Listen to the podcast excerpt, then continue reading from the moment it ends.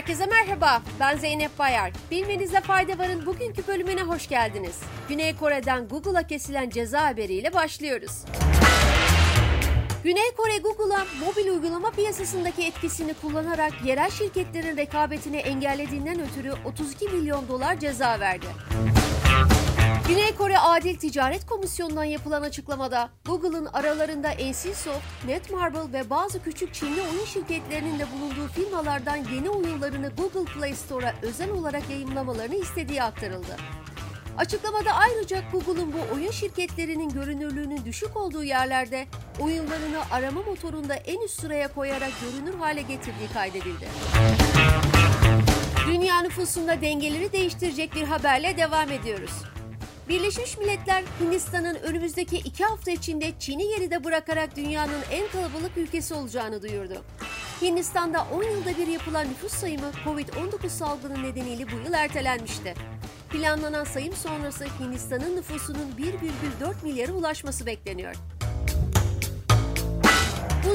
Çin nüfusundaki azalmaya 1979 ile 2016 yılları arasında uyguladığı tek çocuk politikasının ve yüksek yaşam maliyetlerinin yol açtığını belirtiyor.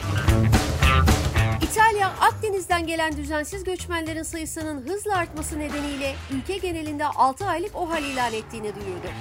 Ayrıca acil durumlar için 5 milyon euroluk kaynak tahsis edildiği bildirildi. Başbakan Giorgia Meloni hükümeti ise iltica koşullarını karşılamayanların ülkelerine geri gönderileceğini belirtti. Milyarder Elon Musk'tan acı bir Twitter itirafı geldi. Twitter'ı 44 milyon dolara satın almasından bu yana tartışmaların odak noktasında olan CEO Elon Musk BBC ile bir röportaj gerçekleştirdi. Musk röportajda şirketin yönetilmesinin oldukça acı verici olduğunu belirtti.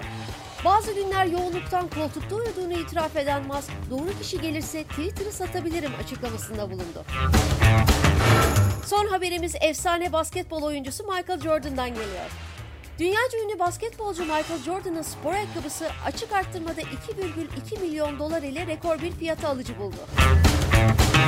Müzayede evi Sotheby's'in 2 ila 4 milyon dolar arasında bir fiyata satılacağını tahmin ettiği imzalı ayakkabı, Jordan'ın müzayedede satılan en pahalı ürünleri arasında yer aldı. Basketbolcunun 1998 NBA finallerinde giydiği bir forma ise geçen yıl 10,1 milyon dolara satılmıştı. Bugünlük bu kadar. Yarın tekrar görüşmek üzere. Hoşçakalın.